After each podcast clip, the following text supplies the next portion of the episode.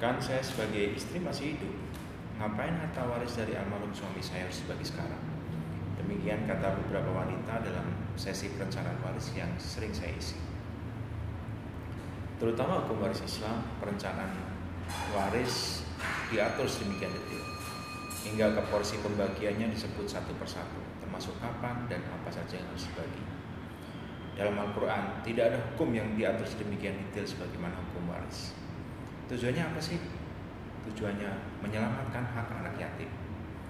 Ketika seorang ayah meninggal dunia, maka kewajiban dia untuk menafkahi anak dan istrinya sudah selesai. Dengan harta yang ditinggalkannya, diharapkan perjalanan hidup anak-anak yang ditinggalkan tetap bisa berjalan. Karena anaklah yang akan meneruskan misi orang tua terkait, terutama terkait agama.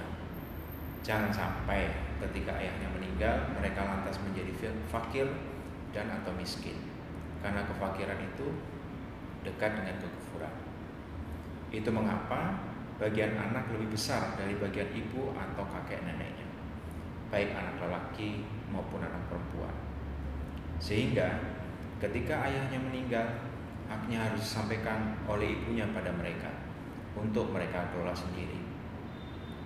Lalu bagaimana dong Pak kalau anak saya masih kecil belum mampu mengelola harta waris yang menjadi haknya kata seorang ibu. Mengelola itu bukan berarti menguasai. Ibu hanya memiliki hak perwalian, bukan pemilik sepenuhnya hak atas anak. Ketika anak sudah mampu, maka haknya harus segera diserahkan. Tapi kan zaman sudah modern, Pak. Berbeda dengan zaman dulu di mana tantangan keuangan istri terkait kehidupan, hutang, dan aset yang dibuat oleh suami bisa lebih berat dari zaman dahulu, kata seorang ibu berkerudung ungu di pojokan. Perubahan zaman bukan berarti kita mengabaikan hukum, apalagi hukum yang sudah diturunkan dari langit. Suami istri haruslah memiliki strategi perencanaan waris, di mana salah satu di antara mereka harus memiliki uang tunai yang cukup. Untuk apa? Untuk membayar hak ahli waris ini. Saya menyebut ini sebagai dana pembebasan harta. Jadi, harta waris bisa langsung dibagi tanpa harus menjualnya terlebih dahulu. Dana pembebasan harta haruslah tersedia tunai kapan pun kejadian salah satu dipanggil ke quote and quote balik papan. Oh, jadi itu ya fungsi asuransi jiwa ya Pak, kata seorang ibu yang tai lalatnya sebesar kasang cukro nempel dekat mulut. Iya, pilihan ibu cuma dua, siapkan uang tunai yang jumlahnya mungkin miliaran atau memiliki program asuransi jiwa. Makin banyak aset, makin banyak keperluan dana pembebasan hartanya. Makin banyak pula uang tunai yang harus disiapkan. Ruangan langsung senyap. Kenapa? Karena biasanya ibu-ibu yang teringat. Mereka yang paling keras melarang suaminya memiliki asuransi jiwa. Karena takut duit jatah beli tas bisa berkurang.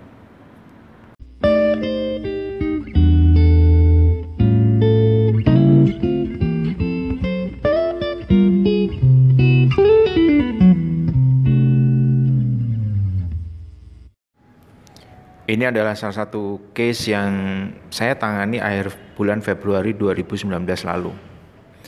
Baru bisa saya upload setelah saya akhiri case ini dengan menutup satu penjualan produk asuransi jiwa untuk warisan serta sudah mendapat izin dari nasabah saya. Nasabah saya sebut saja namanya Ko Alim. Memiliki istri bernama Ci Alin. Akhir tahun 2018 lalu, Koh Alim bertemu setelah saya dikenalkan oleh seorang teman. Mau tanya-tanya soal pembagian waris katanya. Usia Koh Alim sepantaran saya lah, sekitar 47 tahun. Dengan Ci Alin mereka sudah menikah sekitar 15 tahun dan belum dikaruniai keturunan. Mereka sehari-hari mengelola toko yang menjual barang kebutuhan pokok di pasar Bogor. Level grosir lah. Toko itu sendiri adalah warisan dari keluarga orang tua Ko Alim. Jadi sudah turun turun temurun. Ko Alim adalah tipe lelaki konservatif. Tiap hari dihabiskannya waktu untuk menunggu toko. Saya tiba-tiba jadi ingat film uh, cek toko sebelahnya Ernest Prakasya. Ko Alim tidak suka membeli apa-apa, Hartanya yang paling kelihatan hanyalah mobil yang dipakainya pulang balik rumah ke toko. Rumah yang dia tempati bersama Ci Alin pun itu rumah warisan. Hanya direnovasi dengan uang hasilnya berdagang. Saya pakai duitnya buat bantu-bantu sekolah ponakan-ponakan. Sisanya saya taruh di bank saja. Siapa tahu nanti butuh modal. Ketika saya tanya uangnya dipakai apa. Demikian jawaban Kohalim. Singkat cerita, kami berdiskusi soal strategi waris yang ditanyakannya. Penting menurut Kohalim karena semua harta yang dimilikinya adalah harta warisan dari keluarga besar orang tua. Dan dia ingin memastikan istrinya tidak sengsara karena potensi sengketa waris di kemudian hari saat dia nggak ada. Di akhir, hingga di akhir cerita saya tawarkan program asuransi jiwa sebagai penambah bagian istri kelak. Namun apa lacur? Istrinya justru menolak. Ngapainlah duit buat bayar asuransi mendingan dibeliin emas atau kalau enggak dibeliin rumah, kata Ci Alin mendesak. Yakin. Begini, saya mulai menarik kertas dan menggambar. Sebagian besar harta yang dimiliki Ko Alim dan Ci Alin hari ini adalah harta bawaan Ko Alim. Menurut Undang-Undang Perkawinan bab 7 pasal 35. Atas harta bawaan itu hanya pemiliknya yang boleh dan bisa mengatur dalam hal ini Ko Alim. Jalin nggak bisa otak atik. Saya yakin Ko Alim baik, sayang sama istri. Tapi saudara-saudara Ko Alim kita tak tahu. Apalagi hitung-hitungan pemisahan harta bawaan itu dengan hasil pengembangan tidak pernah dilakukan, kata saya. Maksudnya, Cialin mulai penasaran. Harta yang sudah pasti dibagikan sebagai harta waris untuk Cialin adalah harta yang diperoleh bersama-sama saat sudah menikah.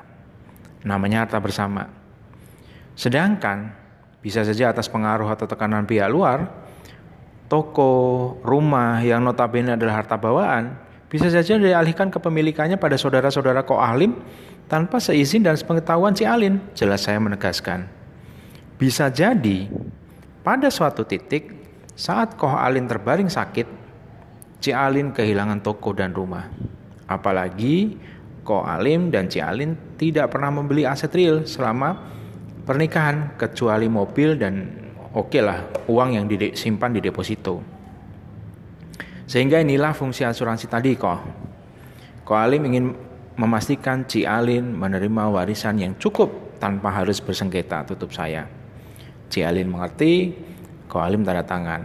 Semoga mereka tetap mesra sampai tua.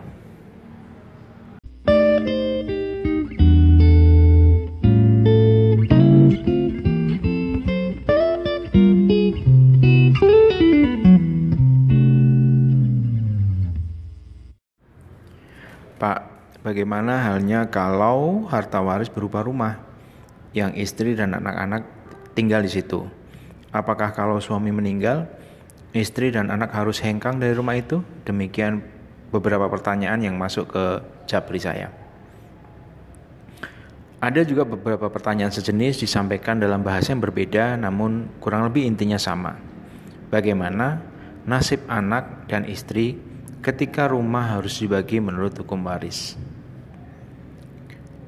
Tulisan ini adalah sebenarnya sambungan dari beberapa serial yang pernah saya tulis di website saya www.basriadi.com maka sebagaimana tulisan di atas saya akan mengambil contoh perencanaan waris saya sendiri. Saya dan istri tinggal di sebuah rumah yang berdiri di atas tanah kurang lebih 220 meter persegi. Catat ya bukan 220 hektar. Di rumah itu Selain kami, ada anak-anak dan ibu mertua yang ikut kami karena ayah mertua sudah meninggal dunia. Sebagaimana contoh dalam tulisan saya di website, bila sang suami meninggal dunia dengan asumsi harta waris siap dibagi sejumlah satu miliar, maka pembagian harta warisnya adalah sebagai berikut. Ibu mendapat satu per enam bagian atau 166 jutaan. Istri mendapat seperdelapan bagian atau sekitar 125 jutaan. Dua anak perempuan itu mendapatkan dua per tiga bagian yang nanti akan mereka bagi dua. Masing-masing nanti akan mendapatkan 333 jutaan. Karena masih ada sisa, maka sisa itu akan diberikan kepada saudara laki-laki sekandung dari sang suami yang akan masing-masing mendapatkan karena ada tiga orang masing-masing akan mendapatkan 13 jutaan. Masalahnya bila sebagian besar harta waris ya bagi itu datangnya dari harga rumah alias rumahnya belum dijual, gimana dong? Maka semua uang tunai akan sudah habis dipakai untuk membayar hutang dan kewajiban sebelum harta waris itu dibagi. Tak ada lagi harta berharga lain kecuali rumah itu. Artinya, hanya rumah itulah satu-satunya harta yang harus dibagi. Dari harga rumah, bila itu dijual, istri mendapatkan 125 juta. Sisanya adalah hak ahli waris lain, ibu dari almarhum suami, saudara kandung dari almarhum suami, dan anak-anak. Itu pun dengan catatan rumah harus dijual terlebih dahulu. Menjual rumah saat-saat ini tentu nggak gampang. Sedangkan pembagian harta waris itu harus disegerakan. Maka langkah yang harus dilakukan oleh istri adalah satu, membayar bagian ahli waris sesuai perhitungan yang ditentukan, yang tadi yang di atas. Tapi uangnya dari mana? Apalagi istri tak memiliki kemampuan ekonomi, misalnya tak bekerja atau tidak memiliki usaha, tak juga punya tabungan yang cukup. Oke, langkah dua. Bila langkah satu sudah dilakukan, istri bisa segera mengubah kepemilikan rumah itu sehingga sah menjadi miliknya.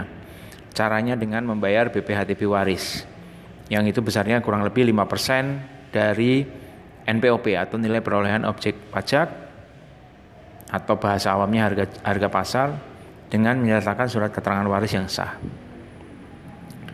Repotnya, langkah dua tidak akan bisa jalan tanpa ada langkah satu.